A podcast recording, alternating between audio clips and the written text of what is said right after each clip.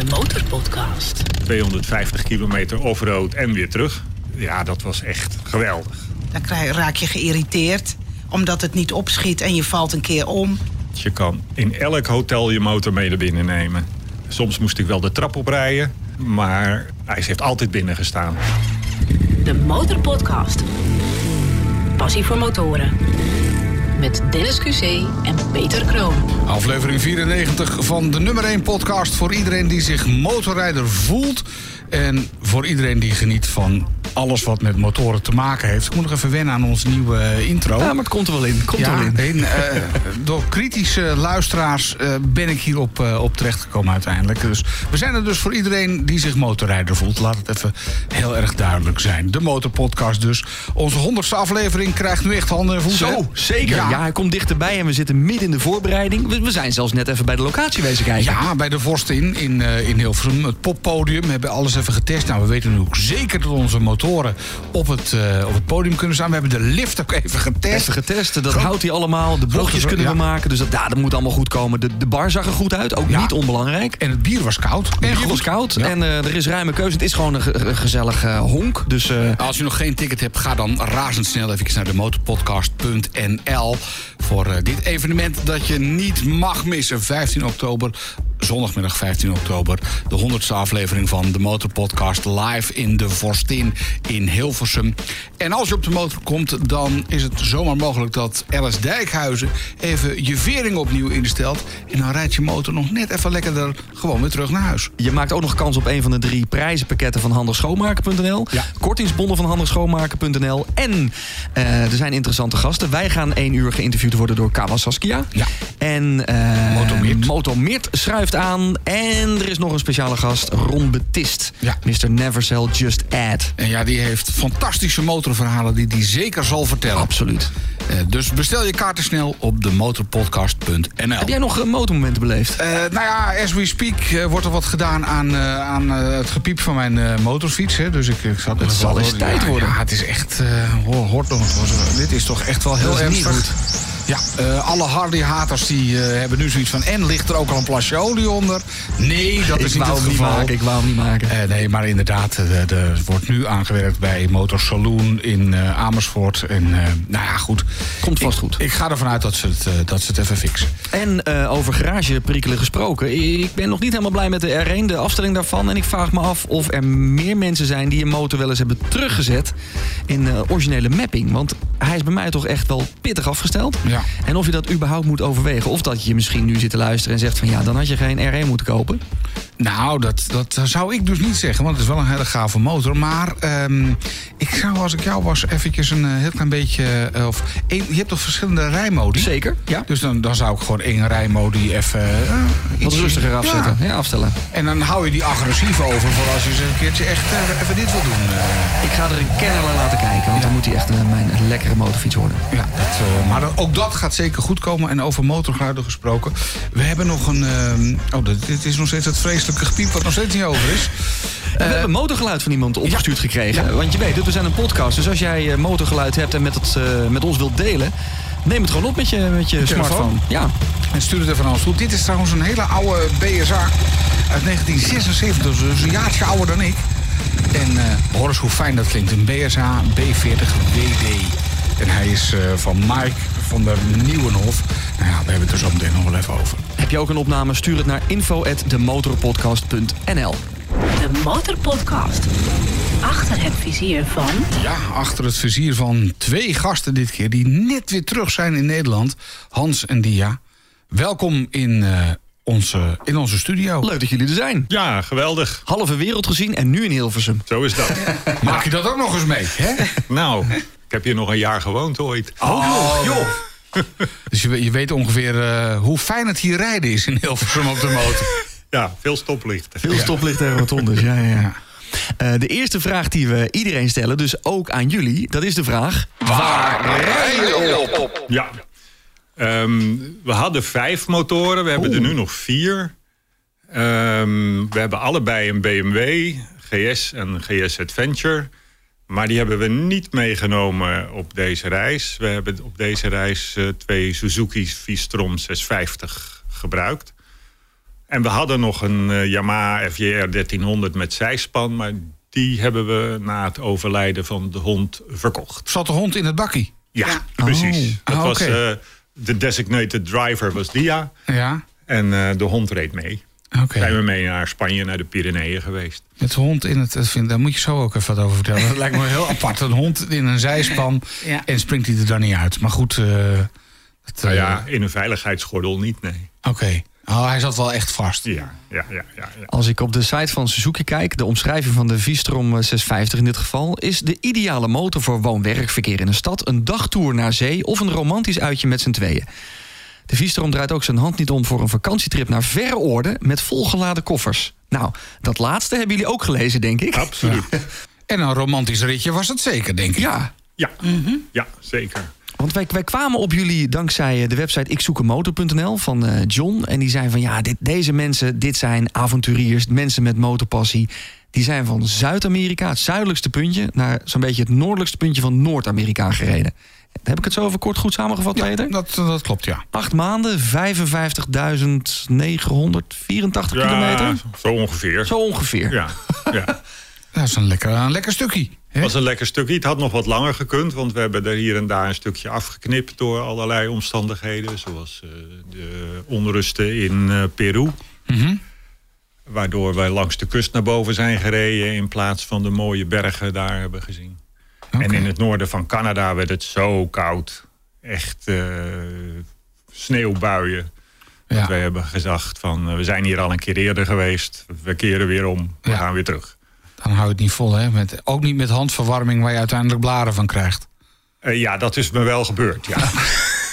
Peter waarschuwt daar heel vaak voor van ja, je hebt dan een soort soldeerbout in je hand. de van jij hebt het echt meegemaakt. ja, Ja. absoluut. Ja. Zonder dat we jullie hele reis, want jullie hebben, nou, dit is te veel om in een podcast en een nabrander op te nemen, ik. Want jullie hebben zoveel dingen beleefd. Ehm, maar de eerste vraag die in ons opkwam: waarom ga je acht maanden met z'n tweeën, 55.000 kilometer op een motor zitten? Ja, nou ja, motorrijden is wat we doen. Ehm, we zijn heel Europa door geweest. En we zijn vier jaar geleden hebben we een reis van vier maanden door de Verenigde Staten en Canada gemaakt. En toen we daar waren, in 2019, net voor corona, het was het jaar dat ik met pensioen ging. Toen dachten we van nou, dit kan beter. Dus we gaan de volgende keer eh, gaan we het andersom doen. Van het zuiden van Zuid-Amerika naar het noorden van eh, Canada. Dat was eigenlijk het plan.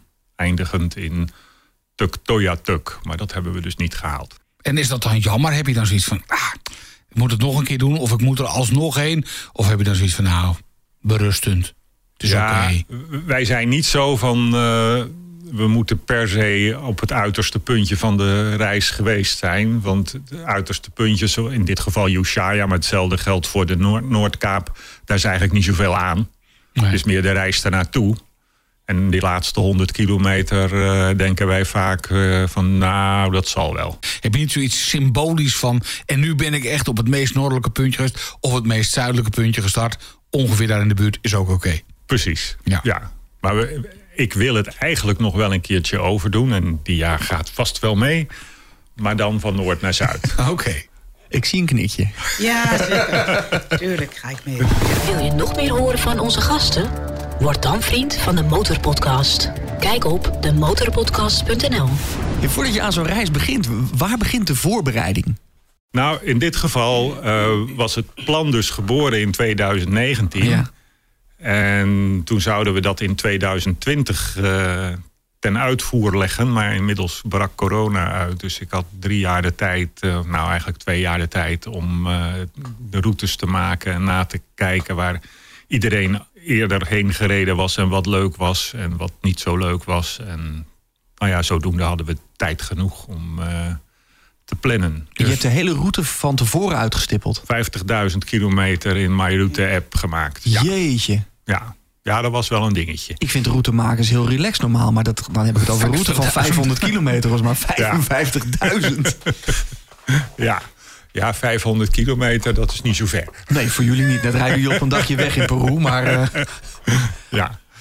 En heb je ook de hotels en zo allemaal van tevoren Nee, allemaal we vast? hebben van de alleen het hotel... We hadden in, in eh, Valparaiso een Airbnb geboekt en verder eigenlijk niks. Totdat we in de Verenigde Staten en Canada waren. Daar hebben we wel meestal smiddags zo rond de lunch besloten van... eh, nou, daar gaan we heen en dan even eh, kijken op de sites... wat een aantrekkelijk geprijsd hotel is. Dan wel waar we konden kamperen. En die- van tevoren kamperen. Oh, Ja, ho, ho, die hebben Allergie. gekampeerd. Ja. wij gaan niet kamperen. Nee, ja, het is niks voor mij in ieder geval. En Voor jou ook niet, Dennis. Nee, maar, nee. eh, Hotel, van hotel naar hotel. Maar heb je dan nooit eens dat je even denkt van... Oh, kan ik daar wel overnachten? Ik bedoel... ehm, Kan ik de motoren wel kwijt? nou ja, ik ben wel eens bang dat, je, dat, je, dat ze zeggen... Ja, sorry, geen kamer meer. En dan in de verste verte... Dan heb je er al 500 kilometer op zitten. Dat zou mijn angst een beetje zijn. Dat je dan denkt van... Gadverderover, dan heb ik een ontzettend eind gereden. Geen slaapplek. ehm, ja, en dan? Ja, in Zuid-Amerika is dat eigenlijk nergens een probleem. Want je kan in elk hotel je motor mee naar binnen nemen. Soms moest ik wel de trap oprijden. Maar hij heeft altijd binnen gestaan. In Zuid-Amerika tot en met Mexico. Maar ook altijd plek. Je hebt nooit een moment Altijd. gehad. Altijd. Ja, Dus ja, dus nooit één probleem geweest. Ik zag zelfs ook eh, volgens mij op heel veel van jullie foto's ook netjes onder een doek elke avond. Ja, Is ja, dat, is dat eh, Hollandse zuinigheid? Wat je niet ziet, bestaat niet. Nee, oké. Dus eh, in Zuid-Amerika stond hij binnen, dus dan deden we dat niet. Maar in de Verenigde Staten en Canada staat hij natuurlijk meestal buiten. is voor de veiligheid. En dan voor de veiligheid eh, doen we er een, eh, zo, zo, zo, zo'n doek overheen, zodat hij niet zo in het zicht staat. Oh, dat is het Blijkt idee. te werken, hebben veel mensen ervaren. Minder bling bling, ja. Ja, En jullie hadden ook besloten al in Nederland om dus de, op de Vistrom te gaan. Speciaal daarvoor aangeschaft. ik heb een aantal verschillende motoren uitgeprobeerd eh, waarop we de reis zouden kunnen maken. Maar we wilden graag twee dezelfde motoren hebben. En we verschillen natuurlijk nogal van formaat. Want ik ben 1,90 meter en Dia is 1,68 meter. Dus als ik met mijn voeten plat op de grond sta... kan Dia net met de teentjes over de grond. eh. En de- met die V-strom, die van mij is iets verhoogd met de vering. En die van Dia heeft een iets smaller zadel. Waardoor we net allebei op dezelfde motor konden rijden. En dat is gewoon makkelijk. Want dan heb je maar één soort dealer nodig. En één eh, setje gereedschap enzovoort. Maar jullie hebben ook een BMW GS, een GS Adventure. Je zou toch zeggen, zo'n reis, dat, dat is een reis voor een dikke BMW GS. Ja, dat hoef je niet nog een motor erbij te kopen. dat, dat was ook eigenlijk oorspronkelijk het plan. En toen we in de Verenigde Staten en Canada waren in 2019... waren we ook op die BMW's. Maar intussen ehm, raakten allerlei mensen die wij kennen... in de problemen in het buitenland door corona. En dat was natuurlijk nog niet over toen wij daar dit planden en daarheen gingen. Eh, mensen die hun motor anderhalf jaar kwijt zijn geweest. Eh, Ik ken zelfs iemand die in Argentinië was op het moment dat het gebeurde. En die werd gewoon eh, met alle andere buitenlanders bij elkaar in een gymzaal gestopt en eh, afgevoerd. En die heeft zijn motor nooit meer teruggezien. Oh. Nou, toen dacht ik van, die BMW is toch een beetje prijzig. Uh, Visterom zijn een heel stuk goedkoper. En ze zeggen altijd, je moet op, als je zo'n verre reis gaan doen... moet je een motor kopen waarbij je gewoon nog de- kan denken van... nou, als die, als die verloren gaat, als die weggaat, dan loop ik weg en dan koop ik een nieuwe. Het doet het ook natuurlijk pijn als, als je vier strop Het doet gestolen wel wordt. pijn, ja, maar, maar, maar minder. ja, oké. Maar rijdt het dan niet minder? Want ja, een dikke GS, dat is toch... Ja, dat is Walhalla, toch? Ja, Ja. Voor, dat soort trips. En dan kies je voor een kleiner motortje. Want als die gejat wordt, nou ja, je zei het net al. Het, het, het, eh, voor mij is die wat aan de krappe kant.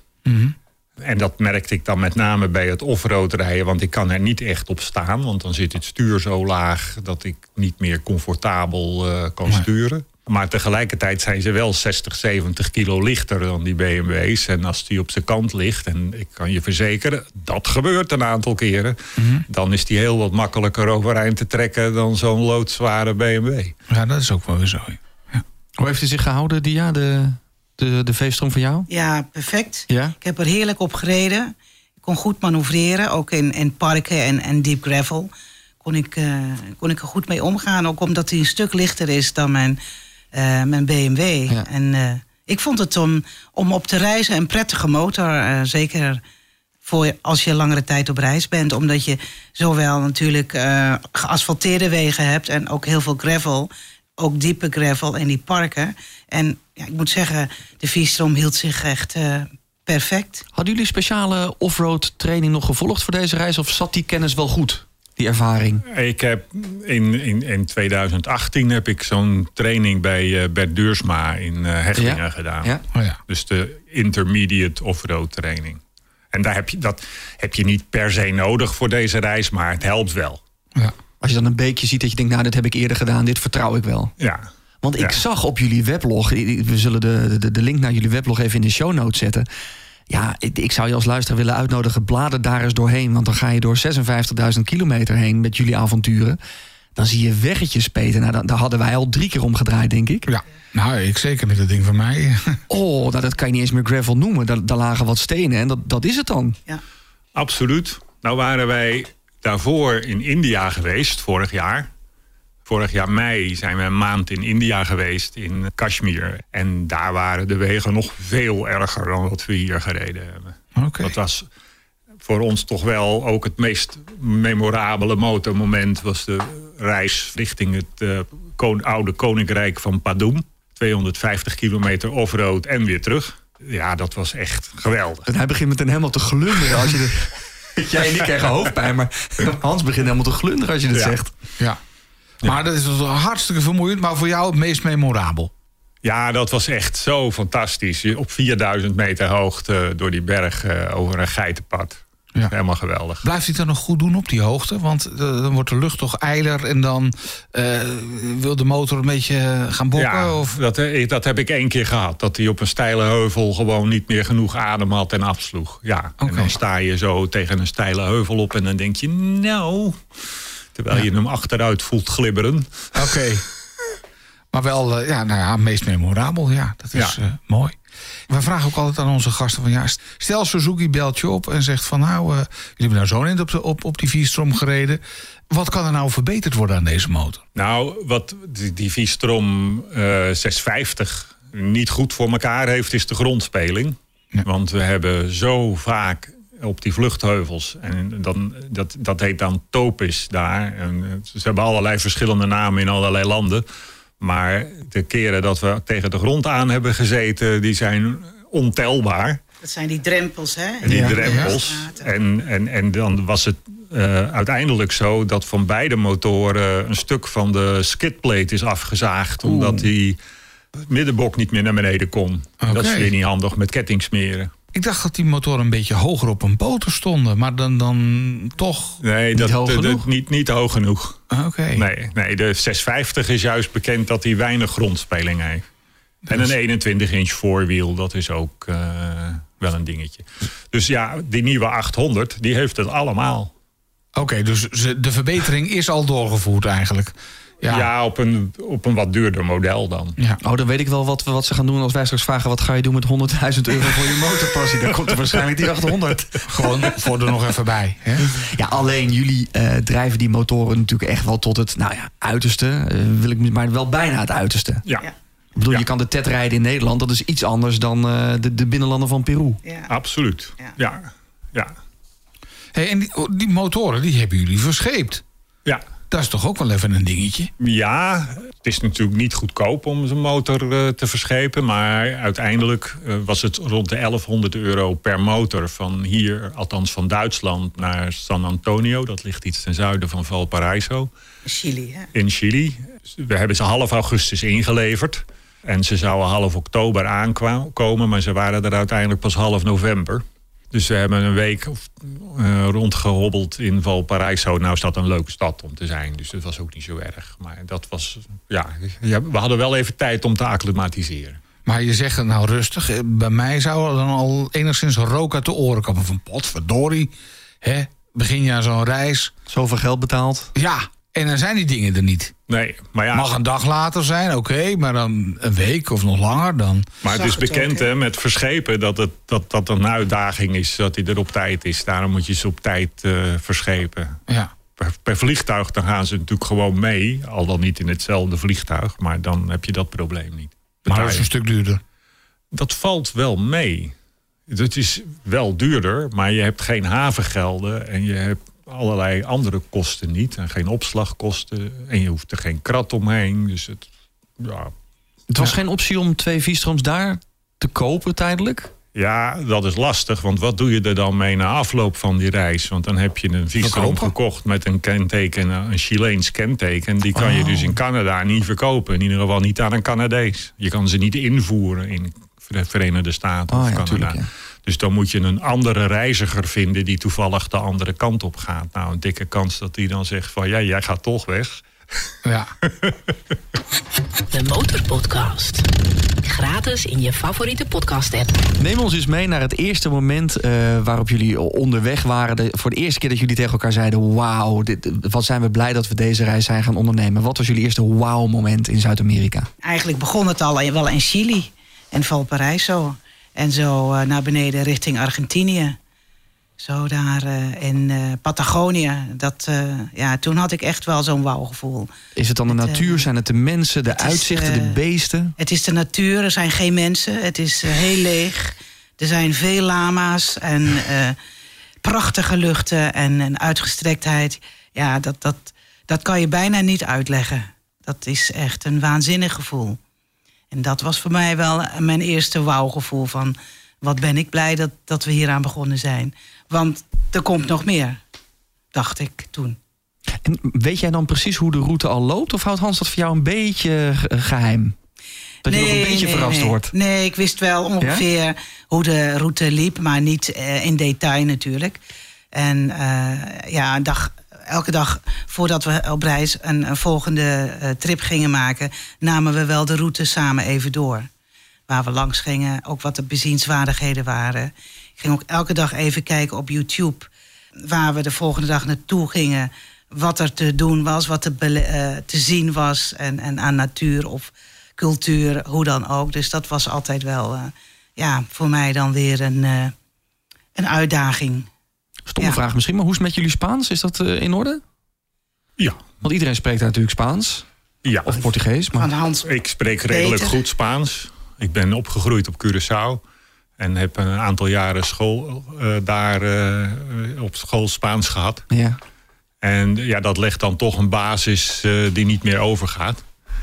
Dus met eh, thuis veel oefenen en trainen met eh, Duolingo eh, heb ik mijn Spaans toch wel zover opgehaald eh, dat ik me verstaanbaar kan maken. Ik Papiaments lijkt ook een beetje op Spaanse en Spaans-Portugees, alles door elkaar. Ja, papiament spreek ik vloeiend. Ja, ja, dat heb ik met de paplepel ingegoten gekregen daar. Ja. Maar Spaans is toch weer anders. Ja. Het lijkt er allemaal wel een beetje op. Het zit allemaal een beetje in Ja. dezelfde hoek. Ja. En het helpt wel hoor, met name bij de grensovergangen. Want dat is natuurlijk overal een dingetje. Dat zijn we hier in Europa natuurlijk niet meer gewend. Maar je moet iedere keer en je motor inklaren en jezelf. En weer uitklaren als je het land weer uitgaat. En soms gebeurde dat twee keer op een dag. Want we zijn de grens tussen Chili en Argentinië denk ik wel tien keer overgestoken. We zijn precies zo tussen die grens, langs die grens eh, weer omhoog gereden. Iedere keer kost je dat anderhalf, twee uur. Maar waarom hebben jullie dat dan gedaan? Op, Ja, omdat de weg zo liep. Nee, maar je zei kortere route. Nee, dat was maar één weg. Er zijn op weg, ja, die ja, Maar je wist kan wel hoe door route. Chili eh, rechtdoor? Dat is een heel lang uitgestrekt land. Ja, of- 4000 kilometer van zuid Ah. naar noord. Maar je, ja, dan rij je alleen maar langs de kust voor een groot gedeelte. Dat is en niet dat leuk, is niet hè? zo Nee, aantrekkelijk. Wat dat betreft is dan Argentinië... eh, dat heeft meer te bieden, landinwaarts, in de Hm. bergen. Je zei net van Patagonië het mooiste, maar er komt ook een moment dat je denkt van waarom zijn we dit aan het doen? De eerste keer lek rijden, de eerste keer toch geen hotel kunnen vinden. De, de, de eerste te- wat was de eerste tegenslag? Mijn eerste tegenslag was de eerste lekke band Lekke op, de de- op dag drie. Op dag drie. Ja, En dan? Ja, en dan deze Viestroms in tegenstelling tot die nieuwe. Want daar hebben ze wonderlijk weer eh, tubes in gestopt. Maar die 650 hebben tubeless banden. En we zijn eh, gewoon naar een benzinepomp gereden en hebben gevraagd van eh, waar laat ik die band repareren. En die wijzen je dan natuurlijk allemaal naar een autozaak die dat niet kunnen. Tot het, de derde zei van nou daarboven de berg op. Daar hebben we echt behoorlijk naar gezocht voor we ergens een schuurtje vonden. En daar zat een manneke en die wilde het dan wel doen. Maar hij zei je moet zelf dat wiel eruit halen. Nou daar hadden wij helemaal geen trek in. Nee. Maar met een beetje dom kijken, eh, dat helpt vaak. Zei van, nou, ik doe het wel. En eh, die heeft er toen zo'n parapluutje in gezet. En eh, ja, die band hebben we daarna gewoon eh, opgereden. De banden is een probleem. In, Ik wou net zeggen, hoeveel setjes zijn er doorheen gegaan die hele reis? Ja, er zijn vier sets doorheen gegaan. Sommige gingen langer mee dan andere. Maar het komen aan banden, dat is vaak heel lastig in Zuid-Amerika. Voor wat ze noemen big bikes. Hè. 650 is daar een grote motorfiets. Hè. Want de meeste mensen rijden een 150, maximaal 350 met van die kleine wandjes. En ja, je bent dus echt op grote motorzaak aangewezen. En die Suzuki's hebben redelijk gangbare banden. Dezelfde zaten om de oude 1200 van BMW. En op de 850 zitten ze ook. Ja, dan hebben ze één set. Of één set van het een en één set van het ander. Ja, dat eh, was niet altijd even gemakkelijk. En jullie hebben nog wel eens gewisseld ook van Shinko's naar... eh waar ging daar naartoe? Eh, je hebt allerlei merken geprobeerd. Ja, want dat was dan het enige wat ze hadden. Ja, dan Oh ja, dan moet je wel, ja, ja. Ja, geen Ja. keus. Ja, ja de, de meest frustrerende band die had Dia. Want die was op een bepaald moment echt op. En die heeft dan één achterband voor 500 dollar in Amerika. Een TKC 80 van Continental. Die maken ze zelfs niet eens meer, begreep ik op dit moment. En eh, die was na 5000 kilometer eh, op. Hey, en, en hoe gaat Dat dat wel heel dan? snel. ja. ja. En hoe gaat het dan? Op een gegeven moment denk je van, oh, nou, nou zijn ze bijna op. Ehm, ga je dan maar alvast bestellen? Of denk je van, nou, over 100 kilometer komen we in dat en dat plaatsje... en misschien is die daar dan te koop? Of... Ja, zo. Ja, Ja. en we hebben veel gebruik gemaakt eh, de, eh, van een appgroep, Motos Going South. Dat zou ik iedereen aanbevelen die naar Zuid-Amerika gaat. eh word daar lid van. En daar kan je vragen aan andere mensen die daar ook rondrijden. En dat zijn er meestal een paar honderd. Die in heel Zuid-Amerika zijn. En die zeggen dan van nou, daar heb ik banden gekocht. Of daar heb ik banden gekocht. nou komt het goed. Lukt dat vaak wel. Zo ben ik Leven de aan- community. ja, ja, ja. Dat is heel, op zich heel handig. En er zijn ook een paar fake Facebook-groepen, zoals eh, de Pan American Riders Association, waar je ook veel informatie kan halen. Maar het meeste heb je aan iOverlander. Daar staat ook hoe je elke grensovergang moet zijn. Want je kan er zomaar voorbij rijden. En dat is met name in Mexico een dingetje. Want je rijdt zo Mexico in. eh, En je bent 400 kilometer verder. En dan denk je van verrek, ik heb geen eh, temporary import permit. Ja, want je hebt wel alle paparazzen nodig voor als je aangehouden wordt. En Ja. je moet er ook weer uit kunnen. Ja, ja, dat met name, ja. En dat als, als je dat overkomt, dan krijg je dus een dikke boete. En ze kunnen soms zelfs je motor in beslag nemen. Dus het is wel belangrijk om daar goed op te letten dat het allemaal goed gaat. Je praat er vrij makkelijk over, terwijl het toch best wel een heftige reis is met relatief gevaarlijke wegen. En er is het een en het ander gebeurd. Dat ga je zo meteen nog even vertellen samen met Dia. Maar eerst gaan we eventjes naar eh, Ilse van MKC Moto voor een eh, nieuwe masterclass. De Motorpodcast. MKC Moto Masterclass. In de MKC Moto Masterclass praten Peter en ik met Ilse, verkoopspecialist bij MKC Moto, elke keer over één product of onderwerp. En over dit product is heel veel te vertellen, Peter. Communicatie op de motor. Ik heb het zelf niet, want ik vind het het lekkerste om gewoon alleen maar het geluid van de motor te horen. Maar jij zit er helemaal in, hè? Ja, ik vind het heerlijk. Flitsmeister op mijn oren, routebeschrijving op mijn oren, zo nu en dan muziek en communiceren met eh, de, de maten waarmee je rijdt. Maar Ilse, waar moeten we aan denken bij communicatiesets? Nou, ja, je hebt ze in heel veel soorten, maten en keuzes eigenlijk. Dus de vraag die je je vooraf eigenlijk moet stellen is... hoe wil ik hem gaan gebruiken? Doe ik het echt puur voor mezelf op de motor? Voor eventueel, nou ja, wat je al aangeeft, flitsmeister of je GPS? Of ga ik toch met meer mensen rijden? En dat, nou ja, dat bepaalt dan wel dat je misschien een andere hoek op gaat. Dus als Peter met zijn hele motorvereniging met eh 12 mensen wil rijden, moet hij iets anders kopen dan ik als ik met twee of drie vrienden ga rijden. Ja, zeker. En waarom is dat dan? Je zou toch kunnen zeggen van nou, een communicatieset doet het gewoon. Of nou met 1, 2, 3, 4 of misschien 30 man kan rijden. Er zit wel wat verschil in. Je hebt systemen die werken met Bluetooth. Nou, dan kun je alleen eh, koppelen met mensen die ook met datzelfde Bluetooth-systeem werken. Of in ieder geval met een vorm van Bluetooth. En het maximaal aantal mensen wat je daarmee kunt koppelen hangt een beetje rondom vier. Dus als jij van tevoren al weet, ja, ik heb een hele grote groep waarmee ik vast rij, ja, dan zou ik dat niet misschien aanraden. En dan kom je weer op de communicatieset die Mesh heeft. Mesh werkt vooral met grote groepen fantastisch.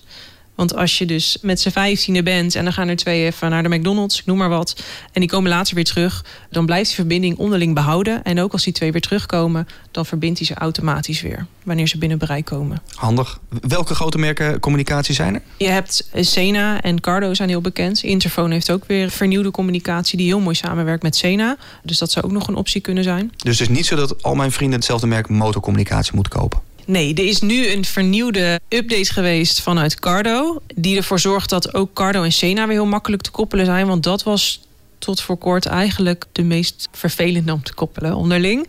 Nou, Interphone en Sena werken, hebben dus een soort van eh, samenwerking in die zin. Dus die uh, zien elkaar echt direct en het koppelen gaat heel makkelijk. En nu dus ook als het goed is met de vernieuwde update van Cardo. Maar kijk even goed of je ook daadwerkelijk een set hebt die nieuwe update ondersteunt. Eh, Ilse, als ik nou toch dat ook wil hebben uiteindelijk in mijn uh, pothelmpje, uh, waar moet ik aan denken?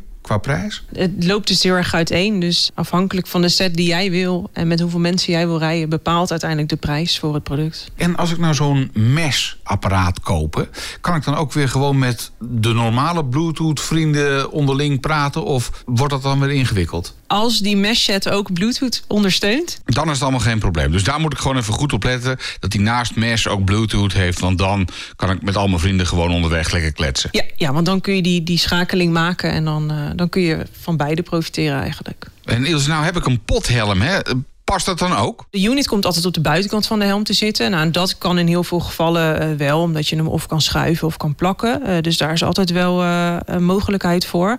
Alleen wat we willen weten van tevoren is of die helm echt aan de binnenkant een uitsparing heeft voor de speakers. Want dat bepaalt of dat wel of niet comfortabel zit in je helm. Moet ik zelf gaan handelen met draadjes of gaan jullie dat fixen? Als je een setje hier bij ons koopt, dan fixen wij dat voor je. Je hoort het, laat je goed voorlichten over de communicatie op je helm. Dan rij je straks ook rond met muziek en flitsmeister. Is echt handig. Ga naar een van de winkels van MKC Moto, laat je daar voorlichten. Of kijk op mkcmoto.nl. MKC Moto Masterclass. De Motorpodcast. Sta je voor rood en wordt je motor niet gezien? Zie je gevaarlijke wegsituaties voor motorrijders? Baal je ook zo van al die wegen waar je als motorrijder niet meer welkom bent? Motorrijdersactiegroep MAG komt op voor jouw belangen. We laten van ons horen in Den Haag, we voeren rechtszaken voor open wegen en we lossen problemen op. Dat kunnen we nog beter doen als ook jij lid wordt. Het kost je bijna niks, nog geen tankbenzine per jaar. Kom op! Meer weten? motorrijdersactiegroep.nl De Motorpodcast gratis in je favoriete podcast-app. Snel terug naar onze hoofdgasten Hans en Dia... die van het meest zuidelijke puntje van Zuid-Amerika... naar het meest noordelijke puntje van Noord-Amerika zijn gereden op de motor. Ruim 55.000 kilometer. Ja, ik zou bijna zeggen, hoe hou je het vol? Je komt in een, in een soort van flow terecht. En uh, je moet altijd relaxed blijven, dan gaat het wel goed. Ja. Je moet je vooral ook niet opwinden. We hebben mensen zich vreselijk kwaad zien maken nou, aan de grens. Dat is het. Op dingen die niet naar wens gingen, omdat ze zelf iets stoms hadden gedaan. Want sommige landen moet je online een ding van tevoren invullen. En als je dat niet gedaan hebt, ja, dan zeggen ze bij de grens: Ja, meneer, u heeft dat niet gedaan. Uh, hoepel maar op. Ja. En uh, ja, als je dan kwaad wordt, dan gaat het echt helemaal niet meer gebeuren vandaag. Nee. Wees bamboe, dat zei Hans Go. Die is Ja. de, heeft de zijderoute gedaan. Precies. Die zei ook van, buig gewoon mee. En, en Ja. het kan morgen ook. Ja. Eh, je hebt geen haast als het goed is. Nee, gewoon vriendelijk blijven. En vaak moesten we ze ook helpen. Want die, sommige van die douanebeambten hadden nog nooit een Nederlands rijbewijs of een Nederlands eh, credit eh, kentekenkaart gezien. Nee. En een paspoort was ook al vaak een dingetje. En ze kunnen je naam niet herleiden op dat ding. Dus dan moet je ze gewoon even eh, van... nou, dit is dit, dat is dat. En dan, bij de eerste duurde het altijd wat langer. De tweede ging dan wat sneller. Over flow gesproken. eh, hoe was de flow eh, onderling? Want jij reed altijd voor, eh, Hans. Ja. Jij altijd achteraan. Hoe, hoe is het om 56.000 kilometer met je man samen te rijden? Nou, af en toe wel kleine irritaties.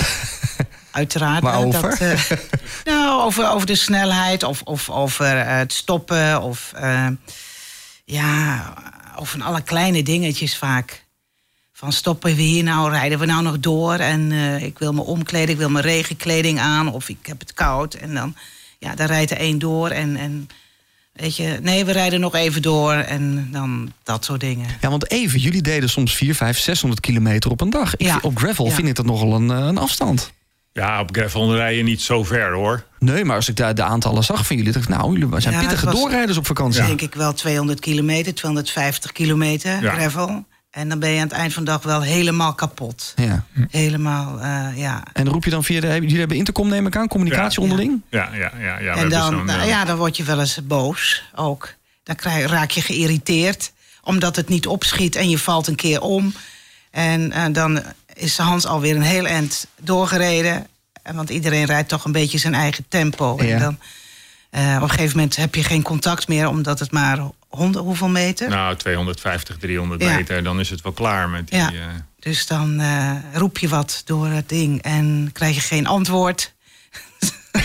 dus dan stop, je, dan stop je maar en denk je, nou, ik, eh, ik ga niet verder. En wat, Nou, wat voor communicatiezetje gebruiken, gebruiken jullie?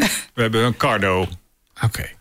Ja, hiervoor hadden we Sena, maar dat was een, vond ik eigenlijk een redelijk drama, die Sena. Dus daar, is- die hebben we nog wel, maar die zit op de winterhelmen, zullen we maar zeggen. Oké, voor iets minder gebruiken. Maar Als het aan Ja. jullie ligt, in ieder geval dus eh, communicatieset op de motor. Ja. Wil je nog meer horen van onze gasten? Word dan vriend van de Motorpodcast. Kijk op demotorpodcast.nl. Als je nou zo terugkijkt op deze reis, hè, is er dan iets opmerkelijks, iets waarvan je bij jezelf denkt, ja, maar hadden we eigenlijk niet verwacht? We hebben het meer koud dan warm gehad. Serieus? Ja, we, hebben, toch juist we, hadden van die eh, cool-down vesten mee eh, van, van Magna. En die eh, hebben we misschien vijf keer gedragen Ja. in eh, al die maanden. Maar ons eh, winterpak, eh, dat heeft overuren gedraaid. Ja. Want je zou toch zeggen, Winterpak, dat had ik niet bij me. Nee, hè. zij had geen eens een winterpak Oh, bij De zich. zomerpakje bij me, mijn doorwaaijasje en eh doorwaaibroek. Daar nog gaan shoppen? En eh, nee, want ik had wel wat laagjes onderkleding. Dus omdat het zo koud was steeds, had ik vier lagen onderkleding. En mijn regenpak nog over mijn zomerkleding. Voor de, voor de warmte. En dan was het te doen. En dan was het net te doen. Ja, was, was dat een koud. inschattingsfoutje dan? Of viel het weer dan gewoon tegen? Ja, beide denk ik. Het, eh, het, we zijn veel meer in de bergen geweest dan we ons gerealiseerd hadden. Tot ruim boven de 3000 meter, 4000 meter zelfs. Ja. Daar bleek het overal veel kouder te zijn eh, dan wij van tevoren gedacht hadden. Want we hebben natuurlijk ook in India gereden. En daar reden we ook op 4000 meter gewoon in het zomerpak. En dat ging prima, maar dat viel hier een beetje tegen. Het was gewoon vaak koud. Maar koud, eh, minder zuurstof, 4000 meter hoogte. Dat, dat is een pittige aanslag op de motor en op, je, op jullie zelf. Ja, Ja. was eh, Ja, niet dat leuk. is eh, af en toe best pittig. Ja. en hoe ga je daar dan mee om? Want ja, je blijft wel lekker bamboe en je buigt lekker mee bij de grensovergangen. Maar ik kan me toch voorstellen dat als je daar op een gegeven moment hoog in die bergen zit, dat je dan af en toe denkt van, nou, ik gooi dat ding aan de kant, ik ga terug. Of heb je dat nou Ja, gehad? nee, nee, maar dat is natuurlijk ook geen optie. Hè? Dan moet het door. ja, ja. Nee, is dat geen optie? Nee, als je daar bent, dan eh, ja, je moet door. Ik bedoel, je kan niet zeggen van ik zit hier eh, boven in de bergen in Peru en ik, eh, ik hou het voor gezien. Nou, maar je kan op de TomTom intoetsen dichtbijzijnde vliegveld en eh ja, jongens, nee, zo vind het wel zijn we niet. Ah, oké. Zo zijn we niet. Nee, en je weet, je gaat op een bepaald moment weer naar beneden en dan wordt het weer warmer. Oké. Maar we hebben wel best wel eh, ja, meer- veel meer kou gehad dan warmte. Ja, je kan er toch van die lama-achtige kleden, weten we. Van die vachten. Ja, dat je Ja. dat zo helemaal om je heen wikkelt. Ja. of- is dat daar niet te koop? Of is dat alleen maar in, bij Kuifje? Ja, meestal weer niet geschikt voor, motor, voor op de motor. Hè? Ja. Je kan wel met zo'n poncho. eh, je Ja, ziet al die- maar je ziet alleen maar toeristen in die poncho's lopen. Oh, dan, Nou, over lama's gesproken. Jullie hebben een partij wilde beesten gezien. Close encounters met bruine beren. Hoe is dat?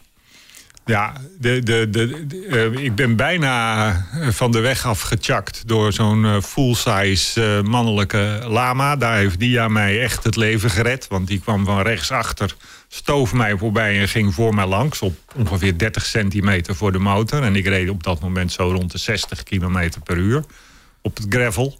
gaan die lama's zo hard? Eh, Ja, ongelooflijk. En, de- en die mannetjes die zijn groot. Die zijn groter dan een koe. En rechts en vooraan. Ja, precies. Maar hij kwam van rechts, hij kwam van achter. Hè? Oh, oké. Rechtsachter. Ja. Rechtsachter, ja. En die, Dia gaf een brul eh, door de communicatie... waardoor ik net op tijd een beetje bij kon remmen om hem te ontwijken. Want anders had ik hem... eh, ja, was, het minder, je hier niet minder, gezeten. was het minder leuk geweest. Ja. Maar ook, ook dingen als bruine beren en zo moet je ook niet... eh, Letterlijk Nee, beren op de ja. weg. Ja, we hadden wel eh, in Canada of in de Verenigde Staten al eh beerspray gekocht. Hè. Dat is eigenlijk traangas, maar dat hebben we nooit nodig gehad. Vorige keer ook niet. Die ene beer waar, waar- die op de foto gezet is, een grote grizzly die op de weg liep. Net na waar wij getankt hadden en we stonden de kettingen te sprayen. En Dia kijkt op en die ziet zo'n echt een grote, Enorme grizzly. enorme grizzly voorbij lopen. Ja, het was echt heel indrukwekkend. En eh, die ging een eentje verderop langs de weg zitten. En die ja, eigenwijs als zij is, reed terug. Waarom? En ging naar de beer toe. Je wilde en een heeft selfie. hem met haar eh, rechterhand op het gas... met de linkerhand met de camera de beer gefotografeerd in het gras... op misschien vier meter afstand. Ja. Dat was niet het slimste moment. Nee, nee, nee. Maar ik wilde hem heel graag op de foto, want zoiets maak je nooit meer mee. Nee, En, alles voor eh, het perfecte plaatje. Maar moesten, vier meter. we moesten er toch langs op die weg. En hij was aan het eten uit honger. En hij was blaadjes aan het eten. Dus ik dacht, nou, Je zit lekker, ja, doet niks. nee. Maar op een gegeven moment keek hij me aan. En toen eh, zo heen en weer, dat heb ik ook nog op de foto. En toen hadden we iets van, nou, nu gaan we maar verder. Want nu wordt het wel een beetje link. Dus eh, ja, Nee, wel, het wel blij dat ik hebt het foto. gedaan heb. Hey, over tanken gesproken, hoe, hoe is het tanken daar? Want we betalen hier inmiddels 2,20 euro eh, voor, voor een litertje 98. Ja, Hoe is het- is het tanken daar? Het is altijd goedkoper dan hier, maar in sommige landen is het heel veel goedkoper. In Argentinië hebben we op een bepaald moment getankt de twee motoren vol voor 6 euro. Oh, Maar meestal waren we zo 10, 15 euro kwijt om ze samen vol te gooien. Op sommige plekken benzine bijna goedkoper dan water. Het zou je haast kunnen zeggen, ja. In ieder geval dan het water hier. Ja. Ja. Nou ja, als je van die flesjes water moet kopen. Maar ja, heel Zuid-Amerika is. Chili is wat duurder, maar heel Zuid-Amerika is een stuk goedkoper dan, eh, dan Europa. Dus je kan het daar een, eh, lang volhouden met je euro. nooit stress om de benzine. Want ik zou denken, ja, hier in Nederland heb je onder 20 kilometer een pomp. Ja, in maar daar... Bolivia. Ja, in Bolivia met name. Ja, in Bolivia hebben we veel getopt. Omdat ze niet mogen verkopen aan buitenlanders. Of je moet een speciale belasting betalen. Dan hebben zij daar weer geen vergunning voor. Dus af en toe moest er behoorlijk gesoebeld worden om eh, benzine. Wa- waarom niet verkopen aan buitenlanders? Omdat de benzine gesubsidieerd wordt door de overheid. Om de prijs betaalbaar te houden voor de locals. En het ene station heeft wel een vergunning om aan buitenlanders te verkopen. Dat is dan meestal in de grote steden. Maar soms moesten we vier eh, tankstations voorbij rijden voordat we weer konden tanken. En we hebben een paar keer, met name ook in Bolivia, gewoon uit jerrycans eh, langs de weg vanuit een groentewinkeltje. Oké. En dan hoop je maar dat het kwaliteit heeft. Ik wou net zeggen, bedoel, dan, Ja. dan, dan kan het ook, weet ik veel wat er allemaal in zit. Nou, die bocht. Suzuki's lopen overal op. Oké. Oosterse degelijkheid, hè? Ja, Ja. dat ken je met je Harley niet. Ik moet het toch even maken. Ja. Ja, voor je het weet eh, do- doet hij het niet meer als een laag octaangehalte. Dan gaat Ja. hij pingelen en weet ik wat allemaal nog meer. Maar eh, de motor bleef het gewoon goed doen.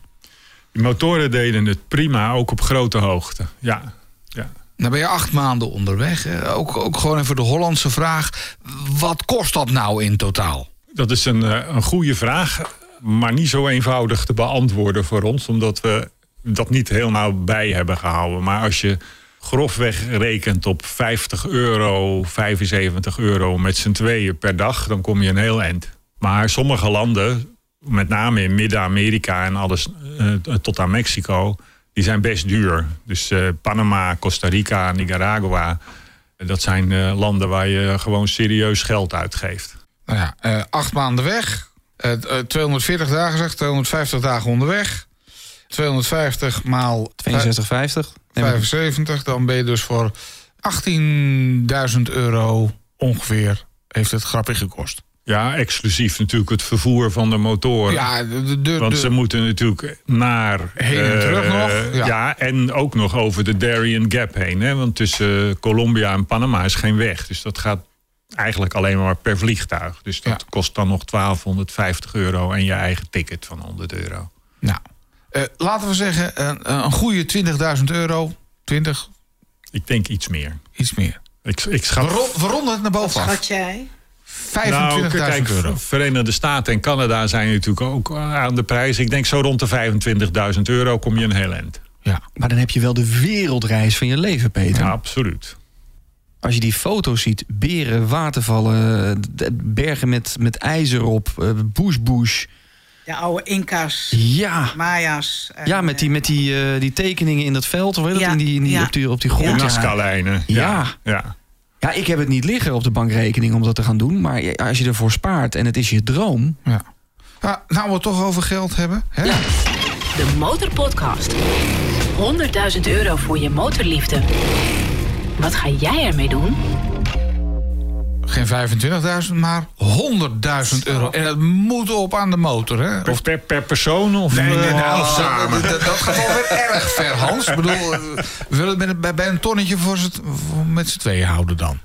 Nou, ik denk dat we eh, allebei wel een nieuwe BMW zouden kopen. Ja, oké. Ik, ik reken even mee, hè. Dus eh, twee keer een GS. ja, zo 30? 25, 30.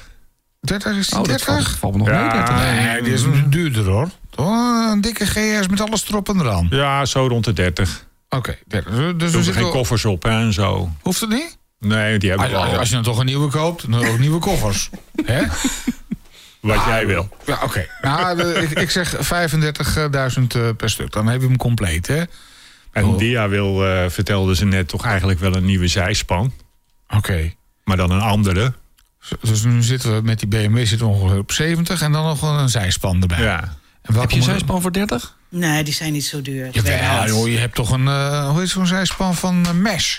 Nee, maar een hele leuke je met, Ja. met de hond. die, de hond is er niet meer, maar goed. Maar welke zou je willen? Want je zei, het zijn leuke tweedehandsjes. Ja, dat, dat- ik heb eens eentje gezien onderweg. En er was zo'n Russische zijspan, Ja, zo'n geloof ik. Oeral. Een Oeral. Oeral. Oh ja, daar moeten we nog gaan rijden de elektrische Oeral trouwens. Ja, die, dat, die vond ik heel leuk. En ik dacht, nou, die zou ik nog wel willen hebben. Ja. Daar zou ik nog wel mee willen rijden. Ja, toch een zijspan weer? Ja, ik vind het erg leuk om daarin te rijden. Naast motorrijden, ja. Maar het is toch een stuk moeilijker zijspan Ja. rijden. Wij, of tenminste, ik, het lijkt me ook leuk om zo'n ding te hebben. Ik heb zo- zo'n apparaat van Mesh gezien. Dat vind ik wel, ja, weet je, er zit een klein motortje op, maar leuk om op zondagmiddag een stukje te gaan karren. En, Ja, maar het, het is in- ingewikkeld, hè? Je het is heel anders rijden, ja. Je moet echt eh, goed eh, weten als je naar rechts gaat... dat je in de bochten eh, gas gaat geven. Hè? En als je naar links gaat, dan moet je het gas loslaten. Want anders ga je, rij je door en dan, eh, ja, dan gebeuren er rare dingen. Dus je moet even omschakelen eh, van wat moet ik doen als ik een bocht eh, inga... en wat ga ik doen als ik een bocht uitga. Dat Je zijn moet- eigenlijk de meeste... De meest gemaakte Je moet fouten. geen zijspan gaan rijden zonder dat je les hebt gehad. Nee, die, die tip horen we vaker. Ik heb één dag les gehad en eh, toen ben ik zelf gaan rijden. En toen dachten we op een gegeven moment, nou, we gaan naar eh, de Pyreneeën. En nou, toen heb ik het maar gedaan. Toen ben ik maar gaan rijden. En eh, ja, door, door al rijdend dan eh, doe je wel ervaring op. En eh, dat is ook wel gelukt. Maar dan is de ton nog niet helemaal op. Zegt dat er dan nog 15.000 euro over is? Ja, van de rest gaan we op reis. Oké, dat mag. Ja, dat mag. Maar welk, welk ticket zou je boeken? Waar, waar willen jullie nog rijden? Nou, we willen eigenlijk ook nog een keer naar Turkije rijden. En dan een rondje Turkije doen. Waarom En- Turkije? Nou, dat is ook gewoon... Prachtige cultuur, prachtig land. Mhm. Schitterend land, gastvrije mensen, Lekker eten. eh, lekker eten. Ja, Dus dat, dat Die gaat staat op de bucketlist. Dat staat zeker op de lijst, ja. Afrika trekt ons niet zo. Maar eh, ja, die, tot aan de stans willen we nog wel een keer eh, gaan. Ja. Nou is die ton helaas fictief nog altijd. Hè? Ik bedoel, we zouden het graag echt uitkeren. Helaas. Maar, maar die trip naar Turkije, dat, dat, dat gaat er dan toch gewoon op eigen gelegenheid nog eens een keertje komen. Ja, dat gaat er zeker wel gebeuren. Ja. Ik denk dat dat ook niet zo heel lang duurt voordat dat gebeurt. Want ik word alweer wat onrustig. Oh, dat, eh, En je bent toch alweer een maand thuis. Precies. ja. Ja, want ik denk ook dat rijden in Nederland voor jullie, is dat nog een lolletje? nee, niet leuk. Nah, nee, niet, niet echt. Maar goed, ehm, Frankrijk is dichtbij. En eh, Spanje ook. Spanje is erg leuk rijden. De Pyrenee- we zijn dol op de Pyreneeën. Daar zijn we een keer of vijf geweest. Dus eh, ja. Nou hoor ik eh, alleen maar mooie verhalen, maar zijn er nooit buiten een keer lek rijden? Zijn er nooit andere dingen fout gegaan op die 55, 56.000 kilometer? Andere schades, botsingen? Ik heb een eh, aanrijding gehad in Costa Rica. Met een eh, Amerikaan die de verkeerde kant op reed. En toen dacht, oh, ik zie een gat. En net toen ik hem aan het inhalen was, maakte hij een, een U-turn, een U-bocht. En ramde mij zo van mijn Suzuki af. Oeh. Ehm, Zijn fout. mm, Ongeveer niet Allebei. helemaal. Nou, ik mocht daar eigenlijk niet inhalen. Oh, oké. Oké. En hoe is dat afgelopen? Want eh, krijg maar eens ruzie met een Amerikaan. Als de- Ja, I will sue you. Ja. Ehm, ja, het waren hele aardige. Kijk, ook de meeste Amerikanen zijn heel aardig. En deze man was ook heel aardig. En hij vond het ook verschrikkelijk dat hij het gedaan had. Hij had zelf ook motor gereden in het verleden. Het kon hem verder ook niet zoveel schelen, want het, hij had een huurauto. Dus eh, ja, hij kreeg gewoon de volgende dag een nieuwe. ja. Schadeformuliertje klaar en eh, door. Precies, ja.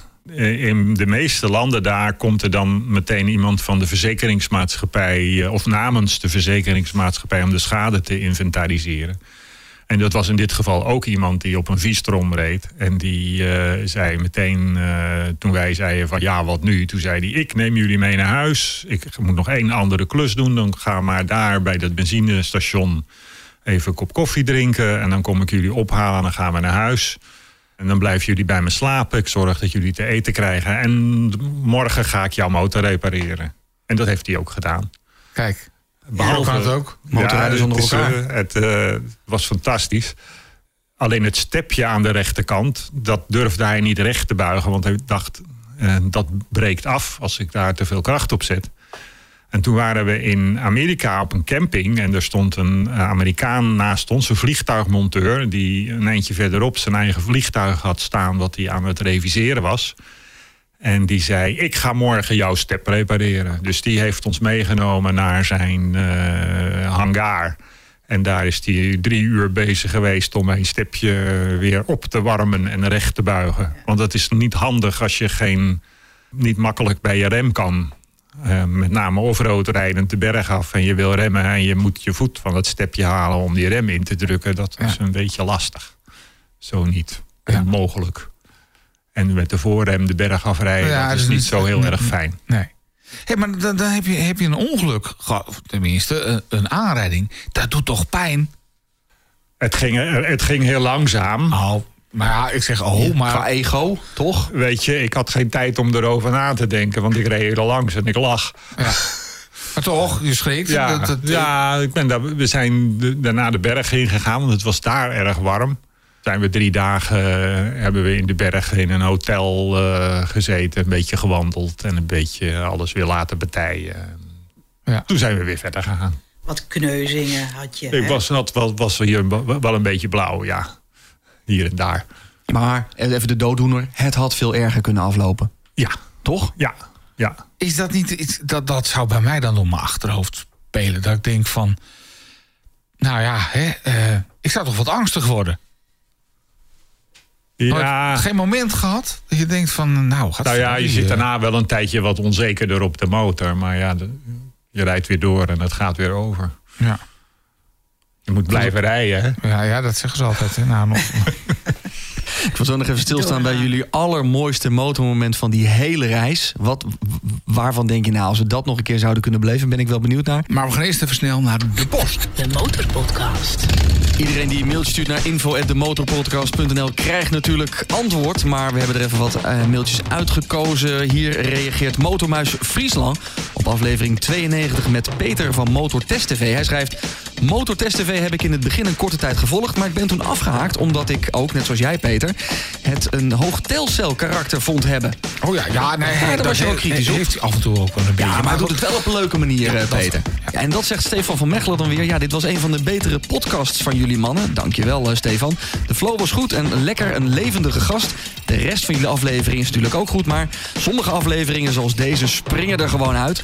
Eh, nog een nieuwe vriend van de show bedanken. Mark Stoter, dank voor het zijn van vriend van de show. En natuurlijk ook een dikke shout-out naar alle andere motorrijders... die al een langere tijd vriend van de show zijn. Ja, en doe nog even het geluid. Even de ingestuurde motor. Of Ja. tenminste, eh, Mike van der Nieuwhof. De BSA. De BSA, die een jaartje ouder is dan ik. Ja, 56 jaar oud is deze. Wil jij je motor laten horen? Neem hem op en stuur hem naar ons toe. Info at demotorpodcast.nl De Motorpodcast.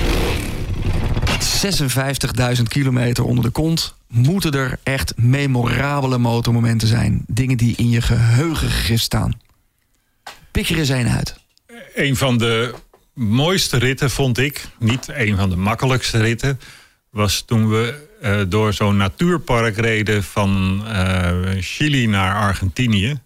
Dat was 75 kilometer en daar zijn we van 's morgens vroeg tot zonsondergang mee bezig geweest. Met 75 kilometer? Ja, Noem dat maar memorabel. zulke is dat me- memorabel negatief? Of Nee, memorabel- ja, dat was gewoon een fantastische omgeving. En eh, ja, gewoon echt geweldig. Ja. En het eindigde dus bij de grens met Argentinië, waar we om eh, half zes of zo s'avonds aankwamen. De afstand tussen de grenspost van Chili en de grenspost van Argentinië is daar 40 kilometer. En toen zei de man van Argentinië: Oh, maar je hebt dit formulier niet. Oh. Dus ik kan jullie er niet in laten. En toen zei ik, eh, we gaan echt geen 40 kilometer terugrijden om half zes avonds. Dus hij zei van, nou, oh, ik zie dat jullie al in het systeem staan van eerdere overgangen, laat maar. In de tussentijd reden wij een paar kilometer verder langs twee gestrande motorrijders die daar eh, waren. De ene was gevallen en eh, dat was een BMW 750 of zo. En daar was al het koelwater uitgelopen. Dus we zijn gestopt en toen bleek dus dat ze met z'n vieren waren, dat die andere twee hulp waren gaan halen. Wij wisten dat er nog dat er maar één bread and bed, bed and breakfast kamer in de wijde omtrek was. En ja, die hadden wij natuurlijk. en s'avonds om tien uur werd er aan de deur geklopt door de vier mannen. Ja, Of ze alsjeblieft bij ons eh, in bed mochten. in bed mochten. Ja. En waarom Nou niet? was het een ruim huis eh, met twee slaapkamers en een zitkamer. Dus eh, we hebben niet met ze in bed geslapen. Maar je helpt elkaar wel, dus kom erbij. Absoluut. Ja, dat Ja. was, was geen keus. Er was maar één, één huis. Met een, een, een, was een boerenerf met eh, nog een achterhuis. En die verhuurden ze dan aan, aan mensen die langskwamen. En er was verder helemaal niets in de wijde omtrek. Alleen maar diepe gravel waar we doorheen moesten raggen. Dus we waren blij dat er in, het, in ieder geval één plek was... Hè, waar we konden overnachten. Kostte 15 euro. Was wel duur. Was wel Ja, duur. maar voor die mensen is dat veel geld. Ja, ja. Maar hoe mooi is het dan toch hè, om, mensen daar ook iets van jullie ervaring te kunnen delen? Contact met locals. Ja.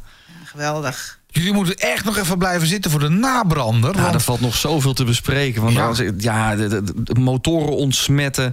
Jullie zijn herkend in Honduras. Vrienden geworden met de poli- motorpolitie in Mexico. Man, man, man. Ja. Maar Ja. dan, dan toch, hè, als je zit te luisteren nu, Peter. Ben jij nu ge- geïnspireerd geraakt om 55.000 kilometer door de Amerika's te rijden? Ga je boeken? Ik, ik zou het stiekem wel willen doen, maar dan toch met iets luxere hotels graag. Ja? Ja. Maar daar kun je voor kiezen. Hè? Je kunt er van, van wat luxere plekjes naar luxere plekjes rijden. Ja. Is meer planwerk, denk ik, maar het kan.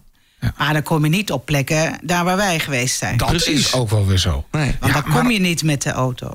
En, en, en, en acht maanden weg. Ja, eh, hebben jullie niks anders te doen? Ja, ik zou bijna zeggen, gepensioneerd. Heb, heb je niks beters te doen? Maar eh, dit is natuurlijk het mooiste wat je kunt bedenken. Maar jij bent gepensioneerd en jij? Ja, ik ook inmiddels. Oké, dus je kunt gewoon Weggaan, ja. weggaan wanneer je wil. We, we hebben nog wel een, eh, een soort van passie, dat is duiken. Maar dat is wel even iets anders dan motorrijden natuurlijk. Maar dit heeft wel onze voorkeur. Ja. Hè? Als je dan één tip zou moeten geven aan een luisteraar die nu zit te luisteren... en je denkt van ja, ik zit er ook aan te denken om 10, 20 of 30.000 kilometer... of misschien zelfs wel 55, te gaan rijden in de Amerika's. Welke tip zou je een wannabe-reiziger nu mee willen geven? Ja, gewoon doen. Ik bedoel, Ja, goed voorbereiden. Ja, goed, voor- goed voorbereiden, goed nadenken wat je wil, maar dan gewoon gaan. En niet denken van ik ga het volgend jaar doen, of over twee jaar, of over vijf jaar. Want misschien ben je er wel niet meer over die tijd. Ja, Zo is het. Ja, je leeft maar één keer. Dus geniet ervan nu het nog kan. Precies. Ja, toch? Ja. Ja, we gaan met jullie nog een uh, nabrander opnemen. En als je nu zit te luisteren en je wil het hele weblog van Hans en Dia lezen... check gewoon de show notes. Die vind je in de app waar je nu naar luistert. En die vind je natuurlijk ook op www.demotorpodcast.nl. Eh, Hans en Dia, eh, dank in ieder geval voor deze mooie en inspirerende aflevering. We hebben als dank voor de komst eh, naar de studio...